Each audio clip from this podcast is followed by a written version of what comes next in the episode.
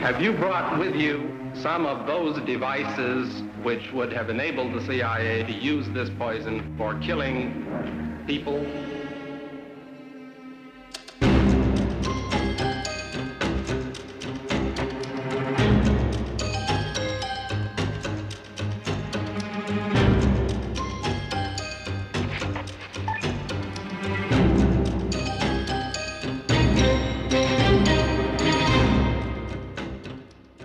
Lytter til det hemmeligste af det hemmelige. Et program om den kolde krigs hemmeligheder. Mit navn er Anders Christiansen, og med i studiet er dokumentarist Christian Kirk Muff. Det er jo bemærkelsesværdigt, at chefen for Sikkerhedspolitiet, han kigger på et chip, der handler om specialsoldater og en hemmelig øvelse – og muligheden for, at den øvelse er glædet over i en operation, som kan have været involveret i mordet på statsministeren. Mm. Og så vender tilbage igen og siger, der er næring i sporet. Det er jo jysk for hælde benzin på bålet. Der er noget her. Så hvem er den mand, der siger det på det her tidspunkt? I otte år har han været kontraspionagechef. Han har afløst Olof Fronstedt, som lyttere af vores program øh, vil øh, kunne kende navnet på. Han var kontraspionagechef frem til 78, der overtager PGNS. Det vil sige, at han har fra nærmeste hånd nu i to år, mere end to år, set samarbejdet, eller set sammenbruddet i Holmers efterforskning. Og han har set, hvordan flere af hans egne medarbejdere frem for alt en nøglemedarbejder, der hedder Alf Karlsson, hvordan de har promoveret Hans Holmers teori om PKK og Iran og KGB. Han har set, hvordan de har brudt samtlige retsprincipper i deres efterforskning af det her.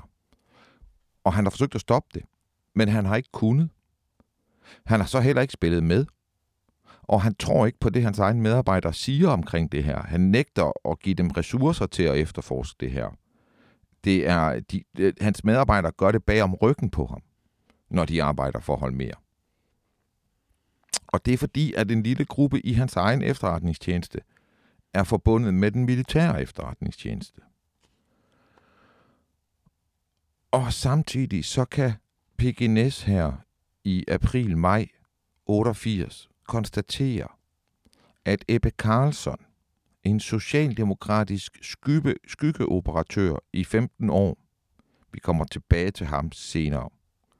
Men den her mand, som har øret i hele Socialdemokratiets top, han bagtaler PGNS og fortæller Socialdemokratiets top, at PGNS er KGB-agent. Han agerer på vegne af KGB og justitsministeren i Sverige tror på Ebbe Karlsson.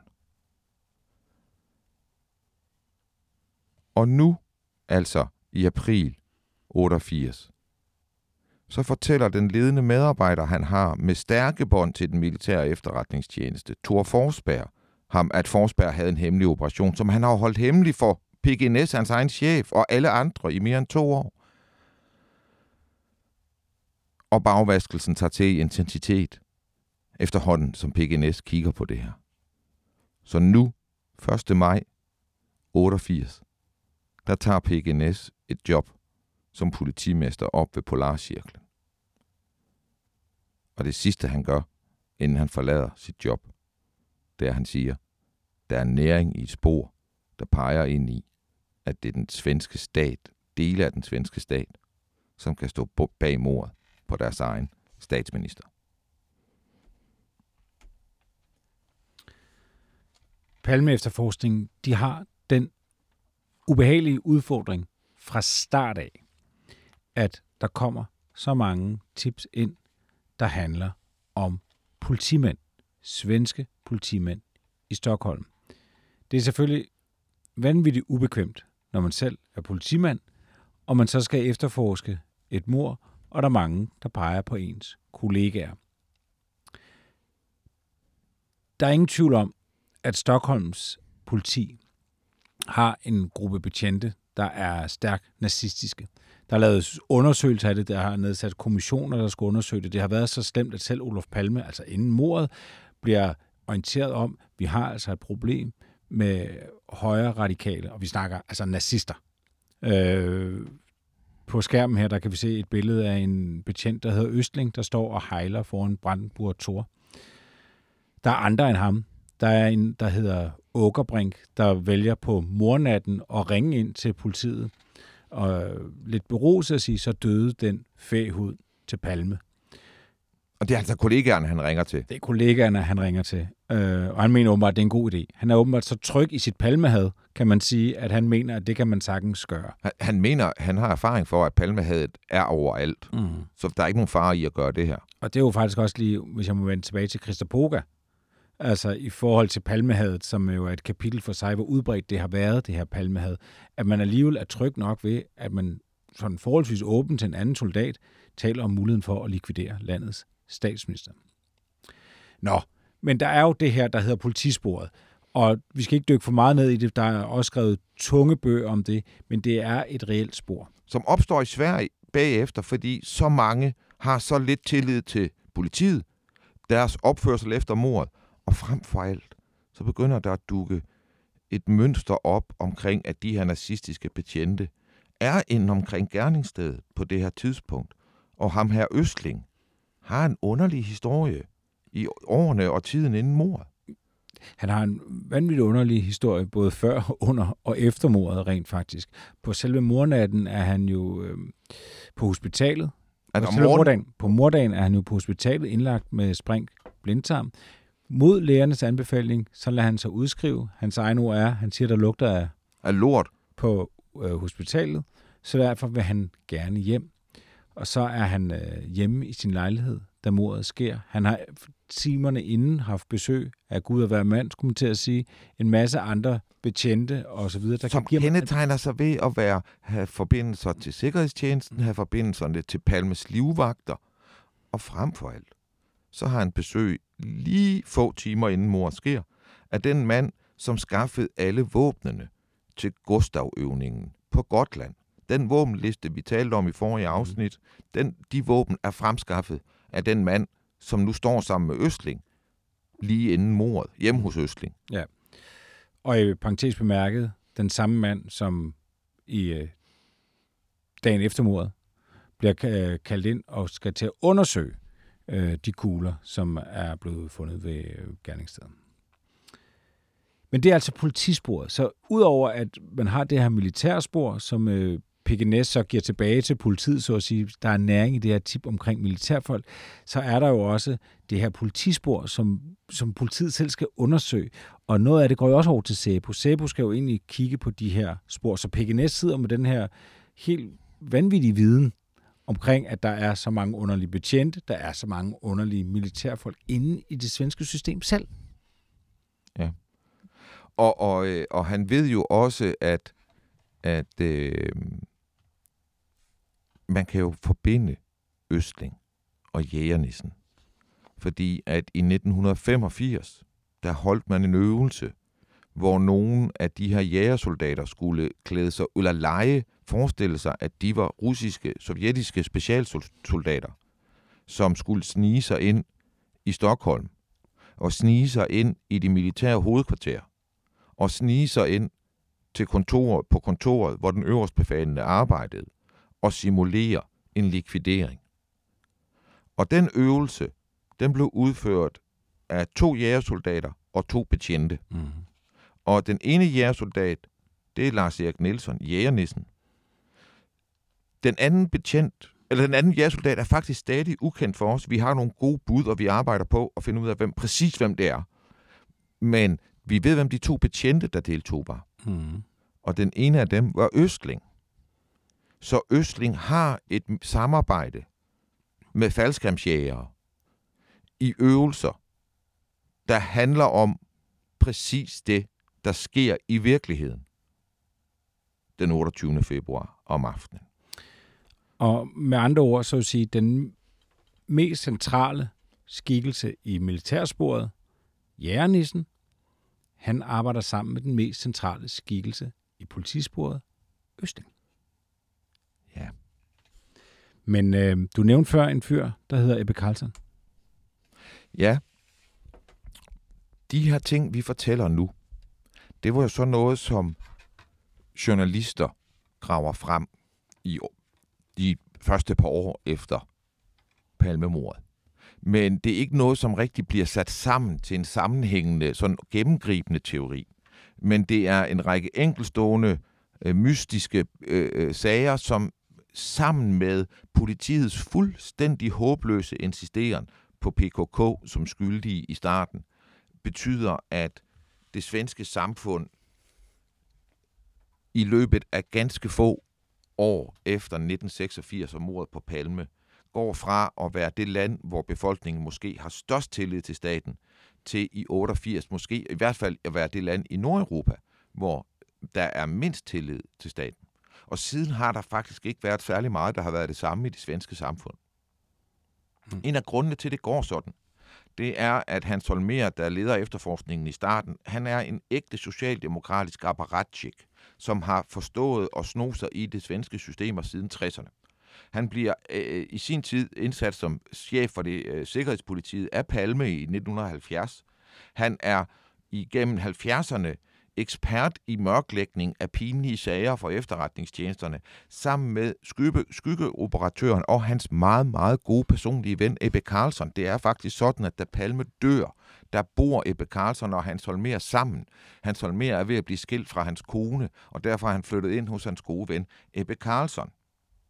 De to har sammen i 70'erne mørklagt en kæmpe skandale, hvor den svenske justitsminister bollede mindreårige kvinder op på et bordel, og det lader, altså hele den militære adel og økonomiske top i Sverige lader til at have gået på det her bordel, og det lader til, at der kan have været russiske eller polske øh, øh agenter, der har serviceret dem, og derfor kan der være alt muligt skidt i omløb omkring toppen af Sverige i Sverige, og det skal, det skal mørklægges Hvem kommer ind på scenen? Ebbe Carlson og Hans Holmer.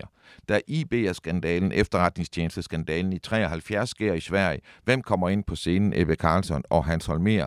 Da man ulovligt aflytter læger på et sygehus i Göteborg, og man skal bortforklare den fortælling, hvem kommer ind på scenen? Hans Holmer og Ebbe Carlson. De er mørklæggerne i det svenske samfund. Og nu har de altså brugt et år på PKK, men det fører ingen steder. Hans Holmer er gået af, men Ebbe Carlson fortsætter i det skjulte. Og han går til justitsministeren og siger, du kan ikke stole på dit sikkerhedspoliti. PGNS er i ledtog med KGB.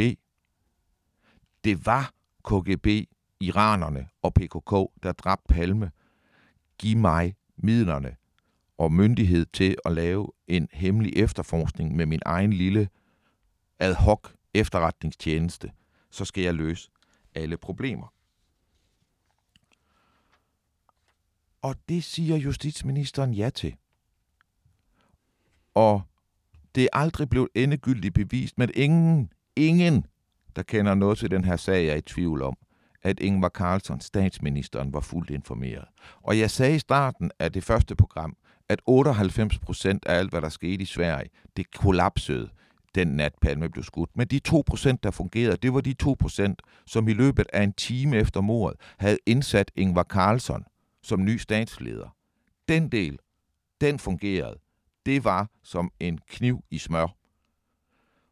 Og Ingvar Carlsson, han læner sig ind her via sin justitsminister og sætter gang i en hemmelig efterforskning, der fortsætter det håbløse forsøg på at give skylden på PKK. Så nu er Ebbe Carlsen i gang i det skjulte. Det han gør, det er, at han forsøger at aflytte PKK'er, og så forsøger han at få en agent provokatør ind i ledelsen af PKK. En dobbeltagent, han hyrer og bringer til Sverige, skal ringe til de andre i PKK-ledelsen og foreslå, at de slår en mand ihjel, som de alle sammen hader.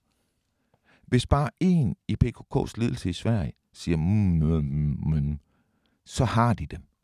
Så kan de udvise dem alle sammen af landet uden rettergang, og så kan de sige, vi kan ikke bevise, de slog Palme ihjel, men vi ved, de var i gang med at gøre sådan og sådan og sådan, og så kan de lukke sagen og ulovligt gøre PKK, ikke bare i Sverige, sikkert i hele Europa, og dermed har de gjort NATO-landet Tyrkiet en kæmpe tjeneste. Ja, for det skulle jeg til at spørge dig om. Er der en større tanke ved at skylde skylden på PKK?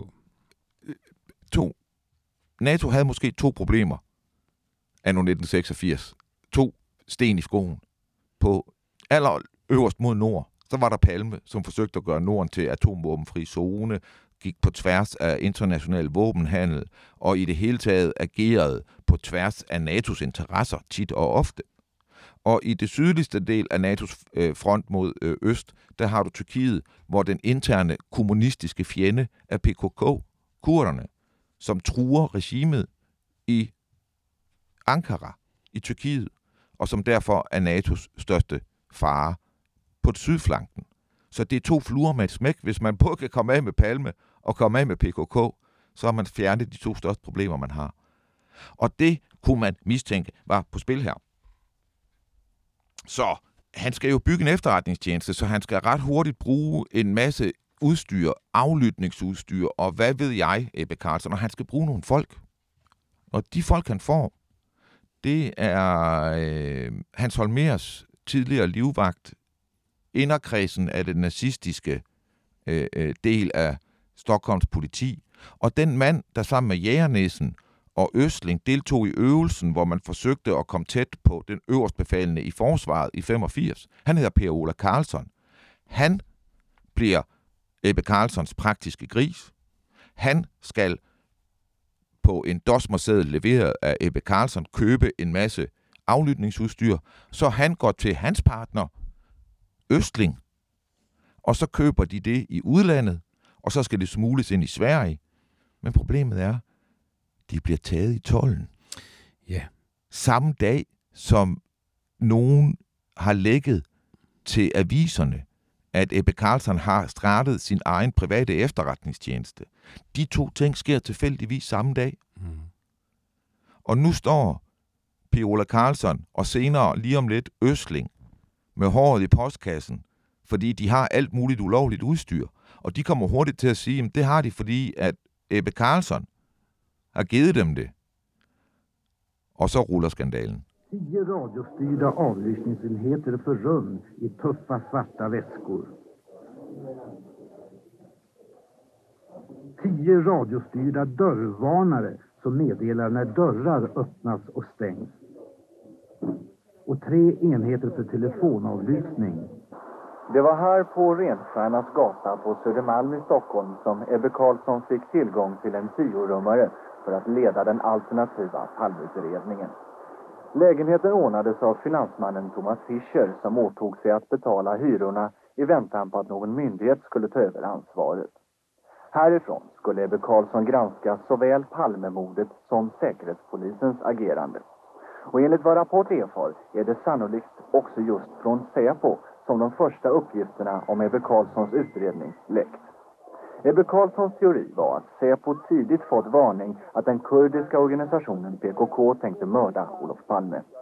Varningen togs inte på allvar och efter mordet försökte en grupp inom Säpo försvåra utredningen av PKK för att misstaget inte skulle avslöjas.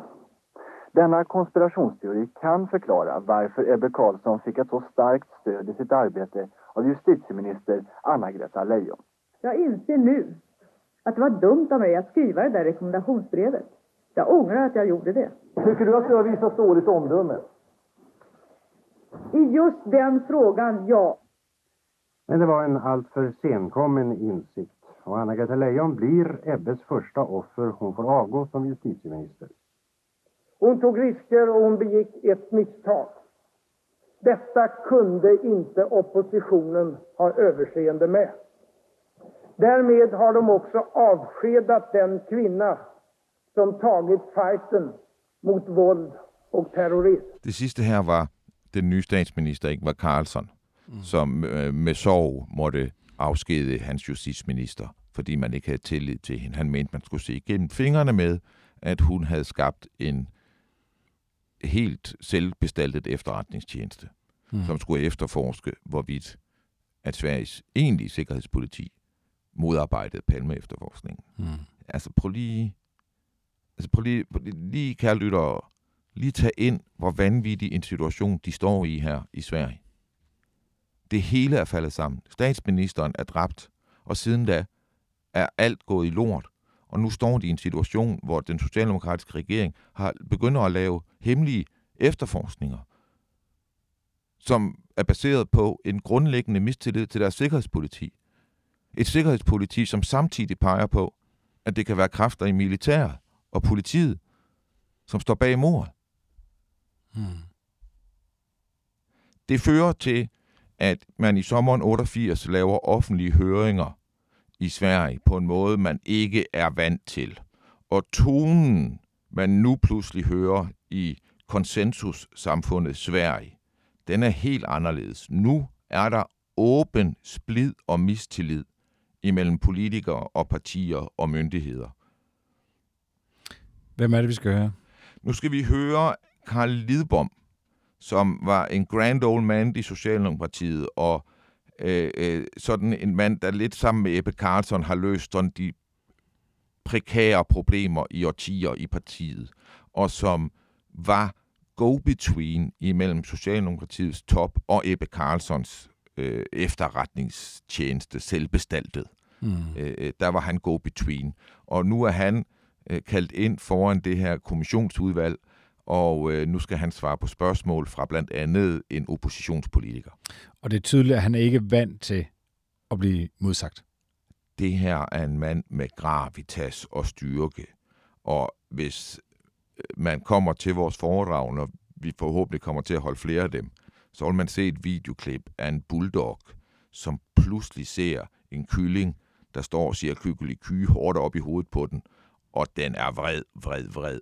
Men den ved, hvis den bider hovedet af den der kylling, så bliver den aflivet på stedet. Lyssna først istället för att avbryta. Eh, alltså att, eh, där resonerar jag så här. Att jag tycker inte att jag hade någon anledning att tala om sådana ting med, Ebbe Carl, med Ingvar Carlsson vid den tidpunkten. Därför att jag hade inte tillräckligt konkret information i den saken. Och, eh, det, men jag vet ju inte vad som har förekommit. Är det inte väldigt, väldigt märkligt, Carl Lidbom, att ibland så minns du och ibland så minns du inte han när det passar dig? Nej, det är faktiskt inte på det viset. Jo. Nej. Nej det där, det, den där frågan är bara trams.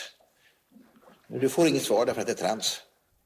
Du har låtit din hustru läsa hemliga handlingar. Du får inget svar därför att du håller på med trams. Jag tycker icke det ankommer på Carl Lidbom att fälla sådana yttranden här. Du ska veta hut när du är här. Punkt. Nu går jag vidare med mina frågor. Nu går jag vidare ordförande med mina frågor. Ja, men vi, nu eh, går jag vidare med mina frågor. Och jag är ordförande och bestämmer ja. hur det här ska ske. Ja, men det er jo, altså, det er jo godt tv. Ja, men det er også et samfund, der er i tårne. Altså, hvem har egentlig magt og jurisdiktion? Hvem skal svare på hvem spørgsmål? Hvor meget skal man åbne op for ting her? Det er så tydeligt, at der er ting, der bliver skjult for offentligheden her. Mm. Men det er også så tydeligt, at offentligheden ikke har en chance for at finde ind i det, fordi det er meget, meget stærke kræfter, der er på spil. Og mens det her foregår, så daler den svenske tillid i befolkningen til staten. Noget af det, som helt konkret kommer ud af Ebbe Carlson-affæren, det er jo, at øh, det er jo tolvvæsenet, som, som anholder øh, Per Carlson og Øsling, da de prøver at smule ulovligt udstyr ind i Sverige, faktisk fra Danmark. Øh, Østling går i land, men han bliver alligevel koblet til den her ulovlige indsmugling. Og i den forbindelse så renser tolvvæsenet Østlings lejlighed.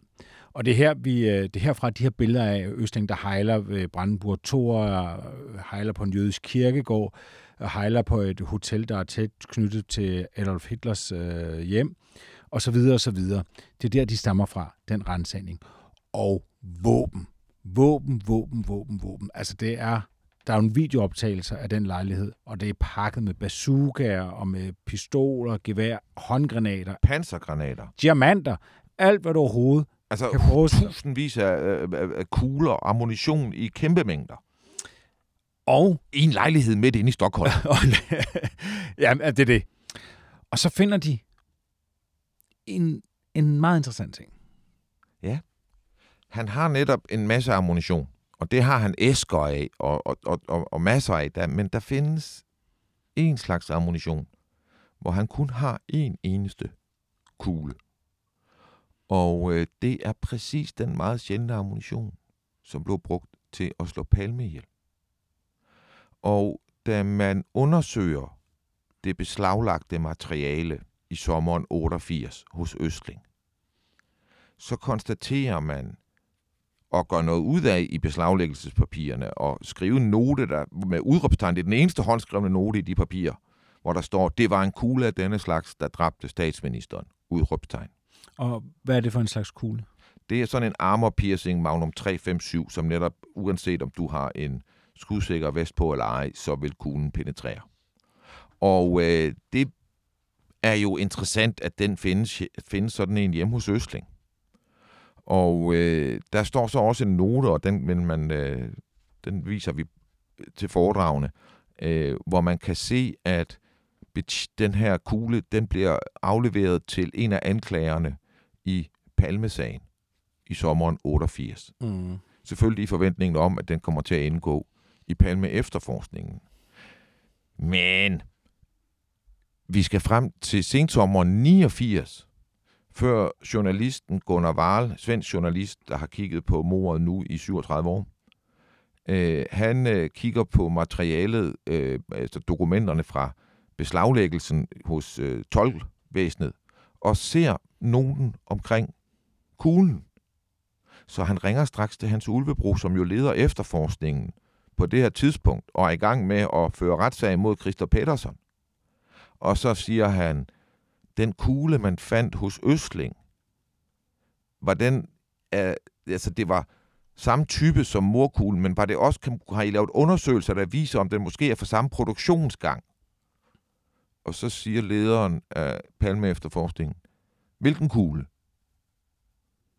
Og så siger Gunnar Weil, den kugle, ham din anklager, Alex Morat, Axel Morat, den han fik for over et år siden for at give til jer. Hvad snakker du om? siger Hans Ulvebro. Og så må han jo gentage sig igen, Gunnar Waller. Hvor mange gange det foregår, det er ikke til at sige. På et tidspunkt, der står det klart for dem, at kuglen stadigvæk ligger hos palmeanklageren, som bare dybest set har puttet den i lommen og glemt alt om den. Og det er jo her, at man på et tidspunkt må begynde at spørge sig selv, om det virkelig er verdens dårligste politi. Eller om der kan være noget andet på spil. Det vil sige, i mere end 13 måneder, eller mere end 13 måneder skal der gå, fra man finder den kugle. Og så ved en hjælp fra en journalist. Og i mellemtiden har man indstillet al, alle kanoner på at dømme en alkoholiker. Og det kommer man jo nu til at fastholde i 11 år, mm. fra kuglen bliver fundet. De kommer aldrig til at bruge den kugle til noget. Og hvorfor skulle Østling have bare en enkelt kugle? Ja, det er jo værd at undersøge. Det, det snakkede jeg med en, som, kunne, som kan forstå, har indblik og, og, og, og forståelse for, for specialstyrker. Og hvis du laver hemmelige operationer, som specialstyrker tit gør, så kan du ikke få medaljer. Du får medaljer for at deltage i slag eller operationer, som offentligheden kan få kendskab til. Det er jo dumt at få en medalje, hvor... Altså, du får jo ikke... Der er jo ikke en, der går rundt inde i, øh, i den amerikanske hær med en medalje for at slå JFK ihjel. Det ville jo være lidt dumt. Mm-hmm. Så det, man kan få fra sådan noget, og det, som er værdifuldt i den her meget, meget symbolske og rituelle verden, som militæret er, det er souvenirs. Og Magnum 5, 357 den har seks kugler, plads til seks øh, kugler i sin trumle, men man lader den kun med fem af sikkerhedsmæssige grunde. Og der blev skudt to, og det vil sige, at der er tre tilbage. De tre kugler, der vil have været i overskud, de vil være meget eftersøgte souvenirs, som vil gå til folk, der har været nøglepersoner. Det kunne være en forklaring. Men det er jo bare et forsøg på at forklare, hvorfor har han kun en af dem. Mm. Og det er den bedste forklaring, vi har fundet indtil videre. Vi har virkelig søgt forklaringer. Var det sådan noget, man uddelte som præmier i skytteforeninger eller sådan noget? Vi har ikke fundet noget, der kan forklare. Jeg har ikke fundet. Jeg kender ikke til en bedre forklaring end den her. Men den er jo ikke, den er jo ikke stadfæstet. Så mens at øh, den her kugle ligger i chefanklagerens lomme, og der ingenting sker, så sker der jo faktisk noget. Der sker det, at man kan læse i avisen, at jernisten er blevet frifundet af politiet. Ja. Øh, der er en øh, flot avisartikel, hvor han står og leger med sin hund. Overskriften er, jeg myrdede ikke Palme. Så handler det om, hvor slemt det har været for ham at være i mediernes søgelys. Men politiet altså fortalt ham, at han ikke myrdede Palme. Og det er altså på trods af, at han ikke har noget alibi. Han har et tæt samarbejde med Østling, som er, øh, der er kommet så mange tips om, der er kommet tips om ham selv. Der er endda tips om, hvad han er for en person. Han er en, der skyder med skarpt, når han er til fødselsdag. Han er en, der vælger at stoppe foran en butik, fordi han, og fordi han tror, at butiksindehaveren sælger narkotika, skyder han med skarpt ind igennem vinduet. altså, hvad? Ikke? Altså, Hvad? Han har, de har fået at vide, at han er en af de vildeste med våben. De ved, at han har været på den her øvelse øh, på Gotland. De ved endda, hvad øvelsen handler om. Men alligevel så vælger de at fortælle ham, du er ikke interessant for efterforskning. Du er en fri mand. Og i 91, der bliver det endda skrevet ned på papir. Der er noget så sjældent som en sammenfatning i Palme-efterforskningen. Det er jo noget af det, som vi virkelig efterspørger os, der sidder og kigger i dokumenterne. Det er, der er ingen sammenfatninger, der er ingen analyser, der er ingenting. Der er bare øh, vidneudsagn, vidneudsagn, vidneudsagn, men der er ikke nogen, der prøver at knytte noget som helst sammen. Det har de trods alt gjort med, med jægernissen. Og der står simpelthen bare, at, øh, at jægernissen, øh, han er frifundet. Øh, de vil ikke gøre mere ved den sag. Øhm, og de siger, at årsagen til, at øh, han er frifundet, det er blandt andet, at de savner et motiv. Og det vender vi tilbage til. Og så skriver de øh, noget, som er blevet lidt en, en, en kutyme inden for, for, for palme-efterforskning. Det er det, man kan kalde Erasmus Montanus logik. De skriver, at øhm, han ikke har et våben, altså et tilsvarende våben som det, der myrdede Palme. Man kan så ikke, men skriver de, man kan ikke udelukke, at han så kan have fået adgang til sådan et våben på anden vis. Men igen, det kan man jo sige om alle. Og det er jo så det, at skrive det i 91 er så usædvanligt, fordi det man ikke kan sige om alle, det er, at de har været med i øvelser, der handler om at likvidere, snige sig ind på at likvidere højtstående folk i samfundet. Mm. Og man kan heller ikke sige om alle, at de i dagene op til mordet har deltaget i en øvelse, hvor man har brugt våben, der bruges til likvidering, og blandt andet præcist et af den type, der bliver brugt til at myrde statsministeren samme aften. Det kan man ikke sige om alle. Nej. Så det, de finder her, det er så vanvittigt at fremhæve det med den logik, hvor man igen må sige, enten er de det dummeste politikorps i verden, eller også er der noget andet på spil. Han havde ikke sådan et våben. Vi kan ikke udelukke, at han kunne have fået sådan et våben af anden vej, men det igen, det kan man sige om alle. Det siger de om den dygtigste specialsoldat, der har adgang til flest mulige våben i det svenske samfund. Det og, kan du altså ikke sige om alle. Og velvidende, øh, hvis man læser øh, tippet for kaptajn Arne, som er dem, der øh, som er ham, der henleder opmærksomheden på øh, jægernissen, der siger kaptajn Arne, jeg vil gætte på, at I ikke vil kunne spore våbne, fordi Forsvarets materielværk, altså dem, der leverer våben til de her øvelser, øh, Per Arvidsson, øh, de har mulighed for at skaffe våben, som ikke kan spores. Jeg vil så lige bemærke her i radioudgaven af det her, at når man ser foredraget, så vil man her kunne se et stort billede af jægernissen, der står med en meget stor hund. Mm-hmm. Og så bare lige et PS eller et indskudt bemærkning her. Når I oplever i det offentlige rum, at der er nogen, der er ude og forsøger at rense sig, eller give en, øh, en, øh, en tilforladelig øh, udtryk, og bliver lavet sig fotografere sammen med hunde, så skal I altid tænke over, at det er tilrettelagt, og der er nogen bagved, der er, det, at det er en professionel operation her gang i. Der er ikke noget, der virker så godt som... Altså for langt de fleste mennesker, hvis de ser en mand, et menneske behandle en hund godt, Mm. så har de på stedet besluttet sig for, at det er et godt menneske. Men Jernæsen har altså et, øh, et halvt kone alibi, der frikender ham. Han har ikke det våben. Det kunne han få på anden, på anden vis, men det kan man sige om alle. Og så har han ikke noget motiv, Christian. Ja, og det kan de bare tage og stikke derop, hvor solen aldrig nogensinde skinner. Fordi det er simpelthen ikke sandt. Jægernissen er soldat, soldat, soldat, soldat. Siden vi holdt foredraget, har vi øh, fået en kilde, der fortæller os en ny anekdote om Jægernissen, som angiveligt ankom til et bryllup med faldskærm i fuld tuxedo. Hvad hedder det? Øh, en tuxedo? Ja, ja, sådan en jakkesæt. Ja, nej, Smoking. Ja, ja, en fuld, ja, han ankom øh, i smoking øh, via faldskærm til et bryllup. Ikke? Og, og, og, og det er altså, han er kernen af det svenske militær. Og historien om konflikten mellem Palme og det svenske militær, det er en historie, der i 86 har stået på længe. Og i hvert fald, længe før det også, men meget tydeligt siden øh, starten af 80'erne, hvor en sovjetisk øh, ubåd øh, øh, går på grund dybt ind i den svenske skærgård i en episode, der blev kaldt Whiskey on the Rocks, fordi at øh, den her ubådsklasse hed Whiskey-klassen og den jo så gik på nogle sten, Whisky on the Rocks. Og øh, det blev for det svenske militær øh, beviset for, at Sverige rituelt fik krænket sit territorie af russerne med ubåde inde øh, i skærgården. Og at det var jo også en måde at landsætte styrker på i det skjulte og, øh, og lave overraskelsesangreb. Og øh, Øh, øh, de forsøgte at øh, få Palme med på en mere konfrontativ øh, politik over for øh, Sovjetunionen, og i det hele taget en, en øget fokus på at fange de her ubådskrænkninger.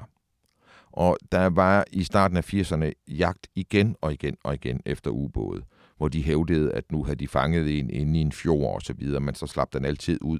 Udover den, der gik på grund, har jeg til mit vidne aldrig set beviser for, at der var sovjetiske ubåde derinde. Og noget af det Palme sagde, det var, jamen altså, det kan godt være, der er ubåde, men fordi der er ubåde, behøves det ikke at være sovjetiske. Og når han sagde det, så var det altså en rød klud for militæret. Fordi så antydede han jo, at det kunne være NATO, og dermed den hemmelige alliancepartner for det svenske militær, som stod bag. Og der har eftertiden jo vist, at det kan det meget vel have været, fordi at på det tidspunkt så installerede øh, øh, NATO hydrofoniske anlæg i, i det baltiske øh, hav. Og det vil sige, at de også har kunnet øh, være at finde sikkert på svensk territorie. Så det, det kan meget vel have været sådan. Øh, I november 85, og det vil man kunne se på, på et billede her, øh, der står 12 officerer fra marinen frem med navn og billede, og i, altså helt, på helt spektakulær vis i et skandinavisk land, så undsiger de deres egen statsminister. Han er ikke til at stole på. Hver af de 12 kommer med en udtalelse, hvor de undsiger deres, den politiske ledelse i landet og problematiserer svenskernes sikkerhed på grund af den førte politik. Det fører til kæmpe debat i Sverige i november og december 85. Militæret stoler ikke på Palme. Stoler Palme på militæret. I december 85, der er den svenske tv-avis hovedhistorie, at Palme afviser militærets kritik af ham, og forsvaret forstærker kritikken i samme program.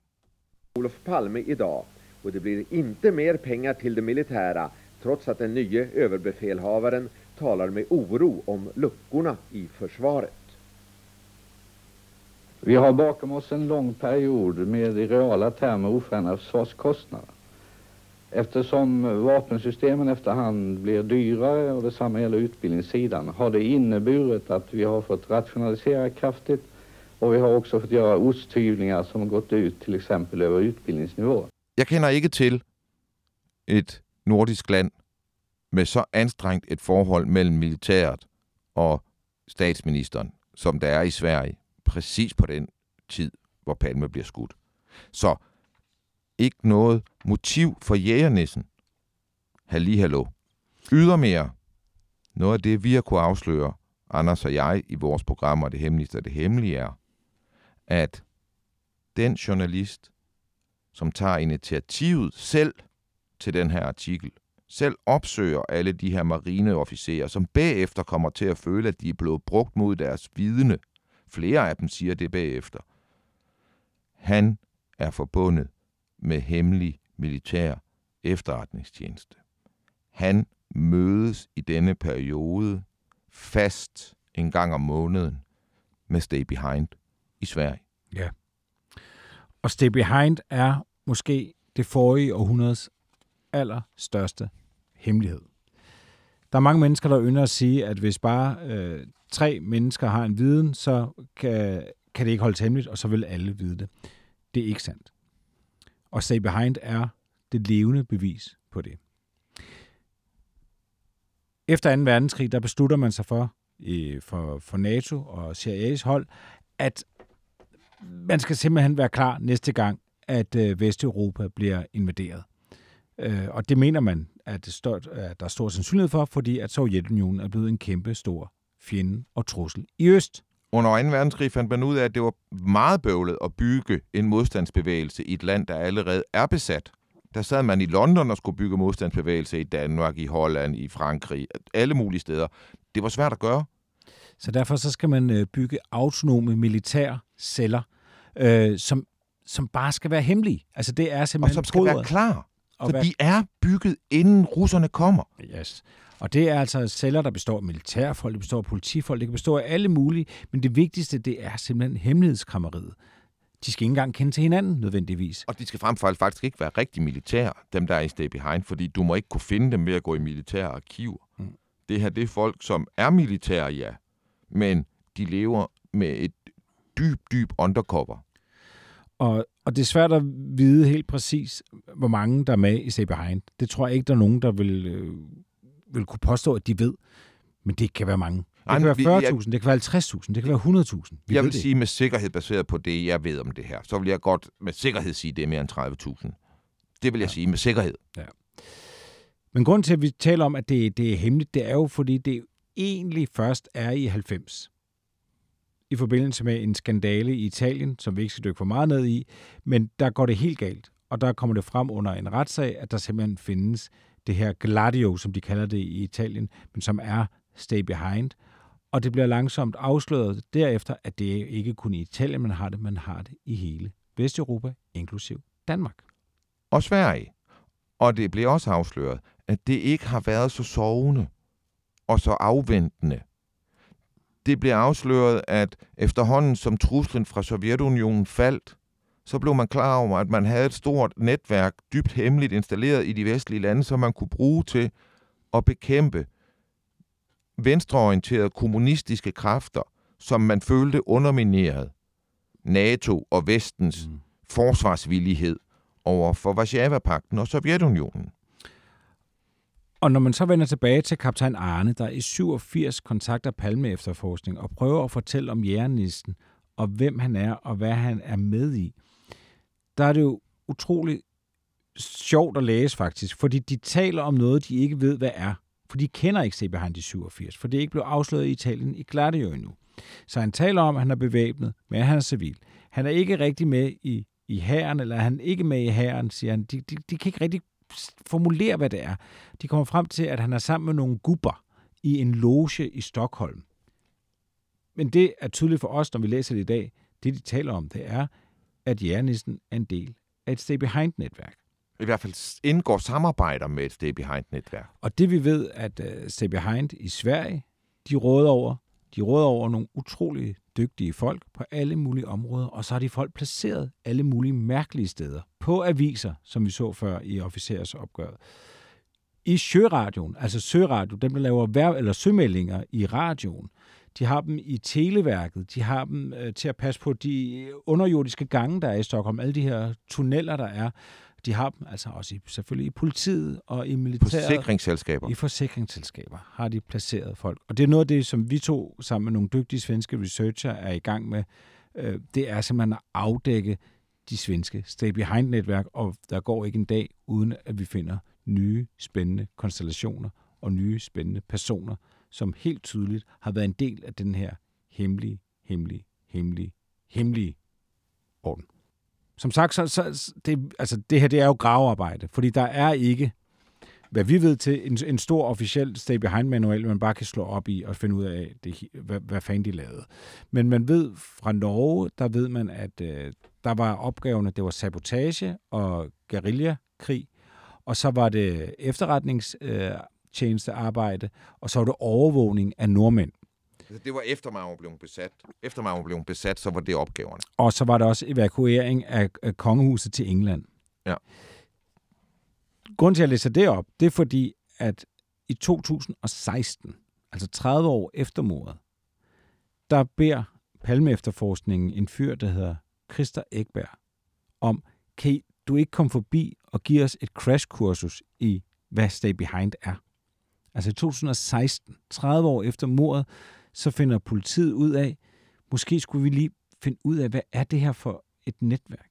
Det, de ikke har været i stand til, det var jo at finde ud af, hvorfor kender Østling Jernissen? De er jo to, de er jo, den ene er politi, den anden er militær. Alle de her forskellige personer, som jo ikke har en naturlig forbindelse, når man kigger på det, som man vil gøre sådan for officiel side, når man øh, arbejder de sammen, er de, men, men det giver mening, når man putter sådan et stay behind øh, maskering ned over de her personer. Så øh, stay behind, det er simpelthen kernen af det, vi snakker om. Og der bliver øh, politiet klar over, at det skal de forstå bedre. Fordi at øh, i 2016, der henvender Gunnar Wahl sig også igen. Mm.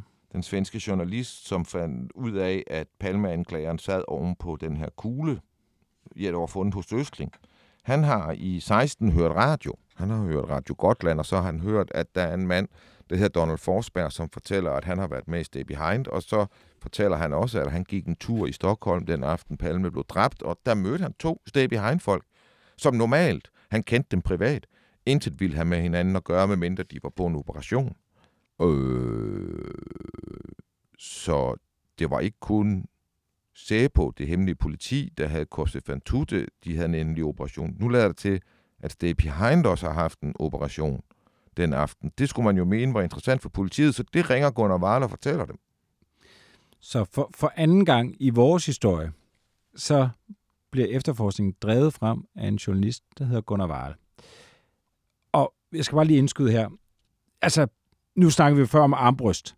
Mm. Og at man lige pludselig skulle tage, tage armbryst, altså et, et våben fra, øh, fra, fra middelalderen, skulle man til at tage alvorligt så er der det her altså hemmelige netværk med, med folk, der sidder og læser sømeldinger op, er en, er en del af et hemmeligt netværk sammen med nogle journalister, en der passer på tunneler, og nogle militærfolk og nogle forsikringsfolk og alt det her.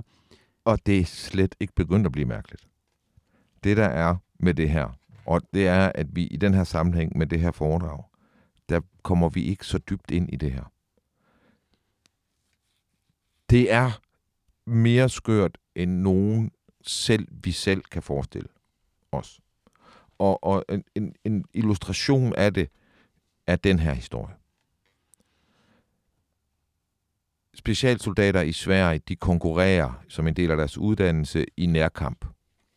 Og i de forskellige typer af korps, der er for specialsoldater, der vil der være nogen, der ligesom bliver anset for at være de bedste til nærkamp. De bedste til nærkamp, mand til mand, de vil blive spurgt og forvente sig at svare ja til spørgsmålet, vil du møde Gråskæg? Og sige ja til at møde Gråskæg betyder, at man skal møde op inde i en kirke i Stockholm klokken 2 om natten. Den her kirke er meget uhyggelig og okult, og den giver mulighed for, at man kan stå på en, nogle balkonger rundt om, hvad der bliver til en kamparena. Der i den arena vil de her nyuddannede specialsoldater en efter en blive ført ind, og så skal de kæmpe.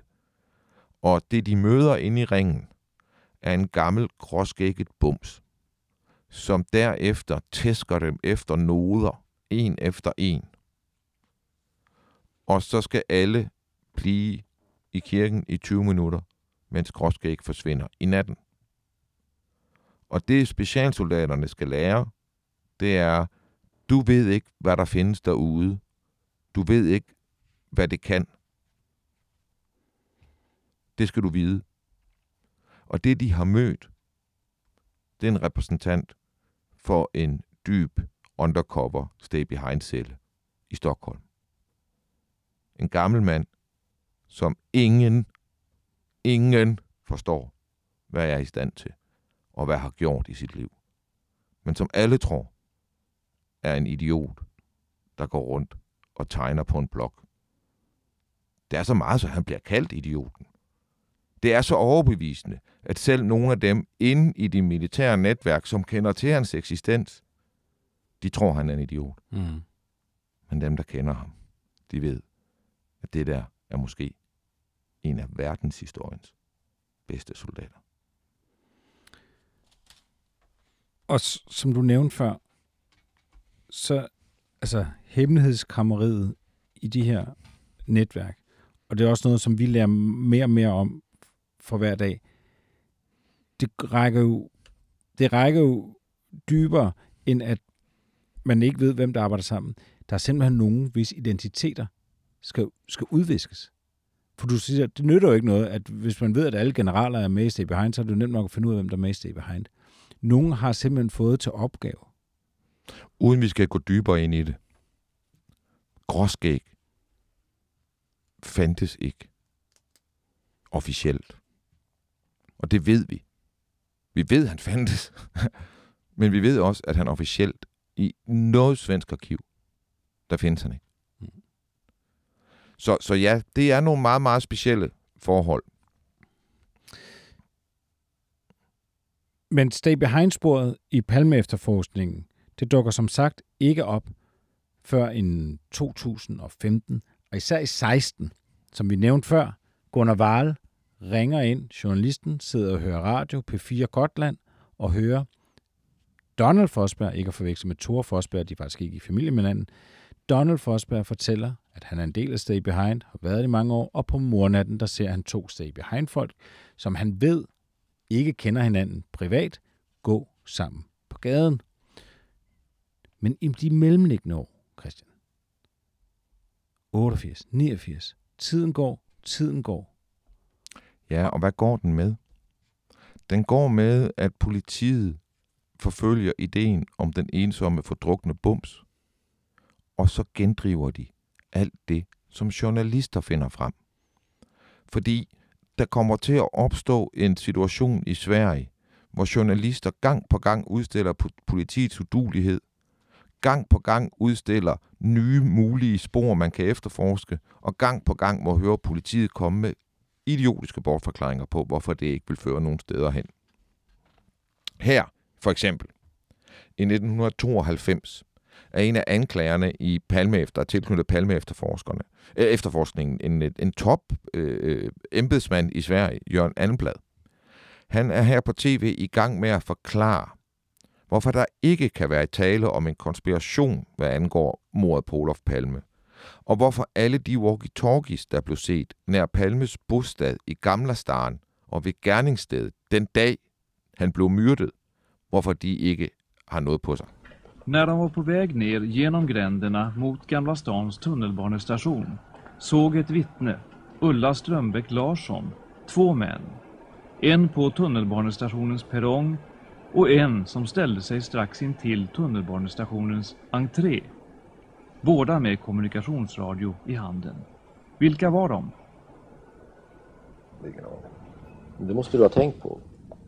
Ja, men samtidigt är det ju för mig så pass eh, främmande att det skulle kunna finnas en sån här organiserad rörelse runt om i Stockholm den här kvällen eftersom, eh, och kanske i synnerhet eh, på Gamla stan, att för ingen eh, visste ju makarna Palmes planer för kvällen.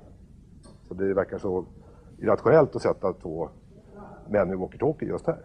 Men det fanns ju fler uppgifter om iakttagelser av män med walkie-talkie den här kvällen. Mm.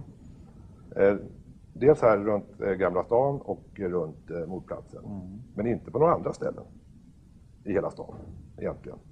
Och ingen människa visste vad makarna Palme skulle göra på kvällen. Ingen människa visste vad makarna Palme, vilken väg de skulle ta hem förrän ungefär kvart, 20 över 11 på kvällen. Så, Om inte så varför är det då massa walkie-talkies runt den blivande mordplatsen? Varför inte på olika ställen tänkbara vägar därifrån? Det Men verkar nu konstigt. utgår du i så fall ifrån att deras telefon inte var avlyssnad? Ja. Det er en meget, meget, meget mærkelig argumentation, den kære palmeanklager Jørgen Andenblad er ude i her. Han siger, der kan ikke være noget om de her jagttagelser af walkie-talkier. Det kan der ikke, fordi der var ikke nogen, der vidste, hvad Palme ville, hvad Palmeparet skulle den aften. Så derfor så giver det ikke nogen mening at placere nogen med walkie-talkier der, hvor man så ser dem den aften. Nemlig ved Gamlerstan og ved der, hvor de bliver dræbt. Fordi der kunne man jo ikke placere dem, når man ikke vidste, hvor de skulle hen. Det udelukker jo tanken, at man har overvåget deres lejlighed, og så har man fulgt efter dem. Altså simpelthen bare øh, øh skygget dem. Det er jo en helt indlysende forklaring på, hvorfor man så kun vil se walkie-talkier øh, der, hvor de er. Mm. Men for ham at bliver det, øh, det er et argument for, at uh, det, det er et argument for ham, at walkie-talkierne ikke har nogen betydning. At de optræder de steder, hvor de er relevante. Mm. Men dem, der har walkie-talkierne, kunne ikke vide, at det var relevante steder. Mm. Og så siger han jo med stor selvtillid, at det kan man jo særligt ikke vide, fordi deres telefon ikke blev aflyttet. Ja. Der er vi så lige nødt til lige at gøre opmærksom på, at et par timer inden de går i biografen klokken 9, og det vil sige en fire og en halv time inden Palme bliver dræbt, der aftaler han med hans søn via telefonen, at de går i biografen og ser den her film i Grænbiografen. Sebo har så undersøgt, om det telefonskab, der står uden for deres bolig i den trappeopgang i Gamlerstam, hvor de bor, om den har været aflyttet. Der er ikke nogen fysiske tegn på det. Det, som Jørgen Almblad og politiet ikke ved, det er, at inde ved Televærket, som driver telefonnetværket, der har man digitaliseret Gamlerstarens telefonnetværk. Så sikkerhedschefen i Televærket, han kan med en enkelt kode på en computer aflytte Palmes telefon hele tiden, ubegrænset. En kommando på hans computer. Og hvem har det job i ugerne op til mordet? Hvem har det job? Det har Østlings forretningspartner i et våbenselskab. En major, tidligere major, der hedder Ingvar Grundborg. Hmm. Han sygemelder sig straks mordet sker, og kommer aldrig tilbage på jobbet, som derefter overtages af Østling. Så jo, man kunne godt vide, hvor Palme skulle hen. Så Jørgen Alblad misinformerer her. Men det fortsætter. Der er set så mange walkie-talkie-mænd omkring mordtidspunktet. Men her lige før, der talte man om de to, der er set mm. ved den lokale mm. jernbane, øh, S-togstation, mm. øh, hvor Palme bor. Og, der, og det her vidne, som er, har set det her, de her to med walkie-talkie, har politiet afskrevet. Først så siger de, at det, kvinden er et utroværdigt. Det er en posedame. Mm. Men så finder journalister hende, og finder hende en professionel dame. Hun, er, hun er sekretær for en topchef i Sverige. Altså, det er en kvinde med et... Øh, en meget, meget kyndig kvinde. Og, og øh, så hævder politiet bagefter, at de har identificeret de to mænd med walkie-talkier. Det var to mænd fra SAPO, Sveriges PT, Sikkerhedspolitiet. Men det viser sig efterfølgende, når det bliver efterforsket, altså når journalister kigger på den forklaring, at det var en løgn, eller en misforståelse. Mm. Men så er det godt, at Palme-anklageren her, Almblad, det, det tv-interview, vi viser i foredraget her, der spiller de et lydklip fra Jørgen Almblad, hvor man kan høre selv samme Jørgen Almblad foran retten i Jødeborg tre år tidligere med bestemthed hævde over for dommeren, at de to walkie-talkie-mænd på, på Gamlerstaden, S-banestationen, T-banestationen, det var civilklædte, almindelige betjente, som var i gang med en anden efterforskning. Men ja, prøv at høre, hvordan han argumenterer, og prøv at høre, hvordan en stat argumenterer, når den har opgivet forestillingen om, at nogen tror på det, den siger. Palmeutredarna övergick sen till att med stor säkerhet säga att det var två civilklädda spanare. Trots att de inte alls stämde in på vittnet Ulla Strömbäcks beskrivning. Har ni identifierat dem idag? Ja. Båda två? Ja. Eh, hörde de ihop? Ja. Vad var det för personer? Det var poliser. Varifrån kom de? Det vill jag inte tala om. De var alltså ute på ett uppdrag som inte hade något som helst med Olof Palme att göra. Här gav du beskedet att de var identifierade. Mm. Det var ingen tvekan i det beskedet. Nej, det var raka besked. Ja. Var det riktigt besked? Då när jag gav det så var det riktigt. För att eh, då hade vi den hypotesen att det var de här poliserna. Så, altså, da jeg løj for dommeren, mm. der sagde jeg, at det, jeg vidste med bestemthed, øh, det var noget, jeg vidste med bestemthed, fordi det var det, jeg troede. Mm. Det, det hænger jo slet ikke sammen for dem, vel? Og, og øh, når journalister så spørger, om der ikke kan være tale om en konspiration, så siger øh, anklageren for eksempel til dem, jamen det kan vi da godt undersøge, når vi er færdige med at undersøge, om der er aliens for det ydre rum, der har taget ned og slået Palme ihjel. Mm. Stemningen er anspændt mellem pressen og staten. Mm. Men är det inte så att det är lite väl mycket, ert arbete går, går genom journalister? Du, ber, du tackar för information du får. Först säger ni att ni inte kommer någon vart och sen så visar det sig att det går att komma vidare. Ja, det, det, det är väl så att den här kollegan inte har någon information som vi kan komma vidare med. För det är jag helt övertygad om att så fall har lämnat de uppgifterna. Det är alltså uteslutningsmetoderna. De som inte har hört av sig själva, de har inget att komma Nej, med. men det, det, det är ju det vi säger att vi vill ju att rätt människor ska vända sig till oss för att vi ska få rätt information. Men vi, är inte be, vi har ingen nytta av information som leder i sned. Altså, det her, det var Lars Bornes, den førende tv-journalist, der driver palmekritikken Mm. øh, i Sverige, som sidder med Hans Ulvebro, leder af efterforskningen, og så siger han, er det ikke sådan, at alt jeres arbejde udføres af journalister? Og der er stemningen, altså hvis man kan se ansigtsudtrykkene på de klip, vi viser til foredraget her, så vil man se, øh, det er afsky, mm. Der er på spil her. Det er også stærkt provokerende sagt af Lars Bones, men det er ikke forkert. Men på det tidspunkt har politiet pisset på dem i mange, mange år, når de lægger frem, hvor åndssvagt det hele er fra politiets side, og påviser, hvor mystisk det hele er med militæret og politiets involvering potentielt i det her, så bliver det sammenlignet med at advokere for, at det var aliens. Mm. Det kan du også tale om er provokerende. Mm. Men, altså, tilbage til tippet om Stay Behind i 2016. Radio, P4, Gotland, Gunnar Wahl, politiet, efterforskningen, den sene palme efterforskning siger, det her må vi hellere lige undersøge. Sammenfalder jeg også med det tip, det genopfundne tip, som vi startede programmet med, den her kubforsvarsøvelse. Så de går faktisk i gang med at undersøge Stay Behind i 2000. Og 16. Og vi kan få indsigt i dokumenterne.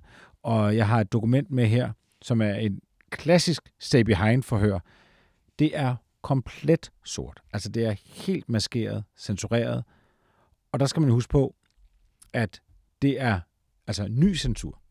Det er ikke, det er ikke nogen, der er, de er ikke født sorte, og det er heller ikke sådan, når de ligger i arkivet, at de er helt overstreget. Det er, når vi nu bærer dem ud, altså her i 2021, 22, 23, så sidder der en med nutidige briller og streger stort set alt over. De sætter simpelthen sorte streger hen over de linjer, hvor der er tekst. Mm. Og så kan vi få en hel side, hvor det eneste ord, der er, det er og. Mm. Der er helt sort, sort, sort, sort, og så stopper de sorte linjer, så kan vi se ordet og, og så fortsætter det igen. Du har til fået et eksempel, hvor det var sådan noget 8-10 sider i Ja. træk, der bare var helt sorte. Helt sort. Uden et eneste ord. Ikke eneste Ikke et ord på 10 sider må offentligheden vide noget om. Ikke engang datoen. Efter at de har nedlagt efterforskningen mm. på et mor, som det snart er 40 år siden foregik. Ja. Det må vi ikke vide noget om. Noget ved vi. Sammen med de før omtalte svenske researcher er vi blevet ret gode til at knække, hvad der står bag de sorte streger. Og så er der også nogle ting, der bliver, bliver nemmere for os at læse, når vi så ved, hvem det er, der er omtalt i de forskellige dokumenter.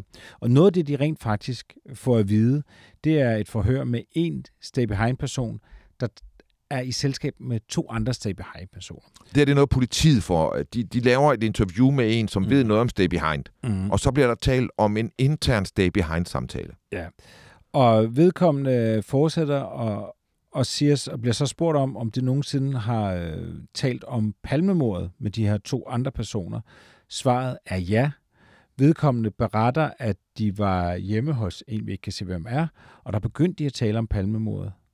Den ene af de her to andre stay behind folk synes, at det var et dårligt skud, altså mordet, men han havde styr på våbnet. Altså vedkommende havde styr på våbnet, og han havde også fået ordre om, hvordan man skulle kunne slette alle spor. Det er internt i Stay Behind, at det her bliver sagt. Ja. Og når man er til foredraget, så vil man kunne se, at jeg peger på en overstreget del af et dokument på det her tidspunkt i foredraget. Og så siger jeg, at det navn, der står bag den overstregning, det er det, som lytterne af det her program kender som fordelingshatten. Derudover finder de også ud af noget. I 17, der får de så et, øh, et tip om, at der har været en operation på mornatten, som er ledet af Thor Fosberg og af Torbjørn Elming. Så nu dukker der et nyt navn op i forbindelse med Thor Forsberg og hans Kosefantute.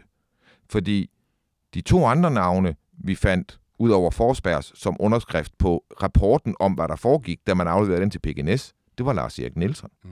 Men ikke den Lars Erik Nielsen. Mm. Og så var der en, der hed Rose. Mm. Men nu kommer navnet Torbjørn Elming. Hvem må han er? Ja, han har jo tidligere været leder af faldskærmsjægeruddannelsen øh, i Karlsborg. Nå. Det vil sige, at den her Kosefantute-operation, som Thor Forsberg laver på mornatten, den er altså lanceret eller sat i søen af ham selv og af en leder af faldskærmsjægerskolen. Så begynder vi at se konturerne af, hvad der foregik.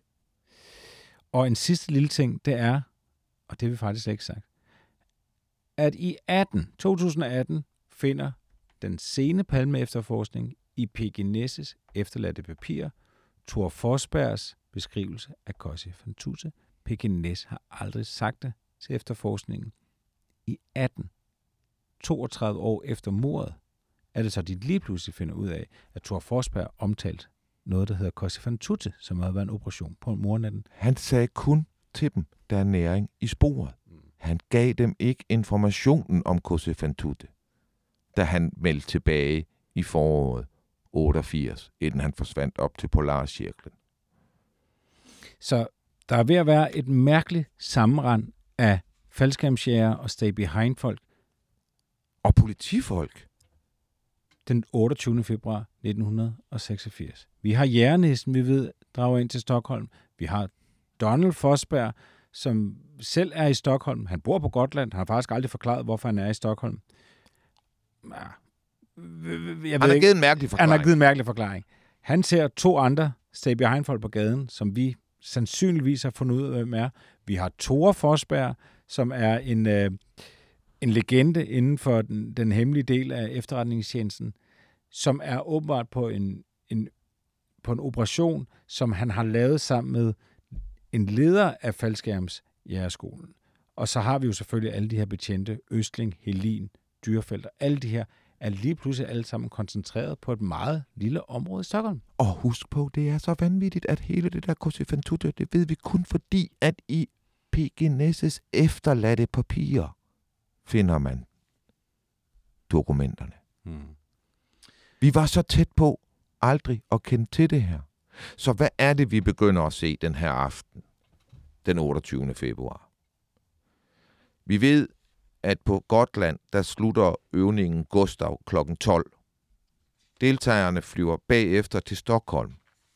Nu mister flere deltagere, blandt andet jægernissen og andre, vi er i gang med at endevende deres liv i øjeblikket.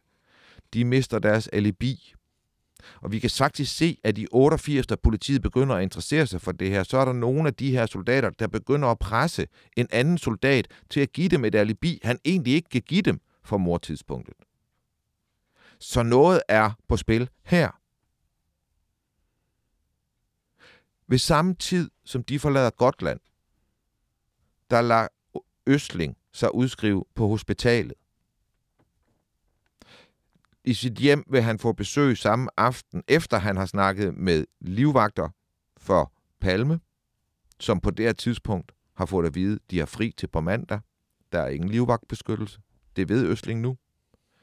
Så vil han efter han har lavet sig udskrive samme aften for besøg af Per Arvidsson, som har skaffet våbnene til jægernissen og hans kollegaers øvelse på Gotland.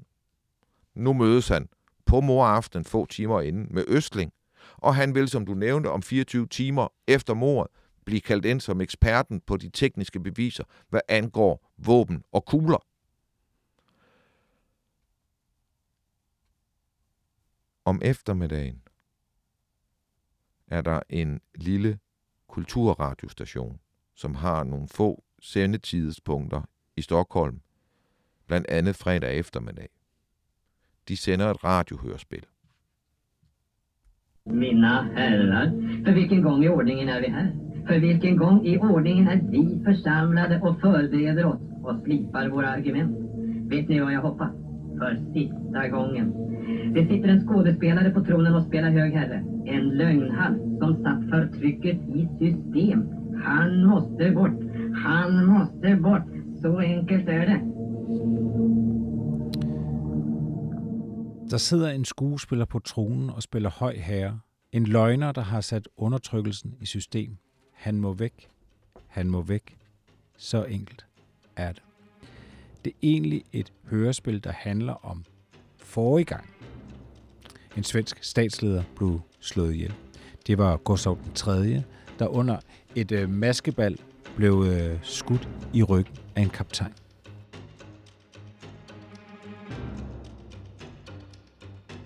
Du har lyttet til det hemmeligste af det hemmelige. Mit navn er Anders Christiansen, og med i studiet var, som sædvanligt, Christian Kirk Muff.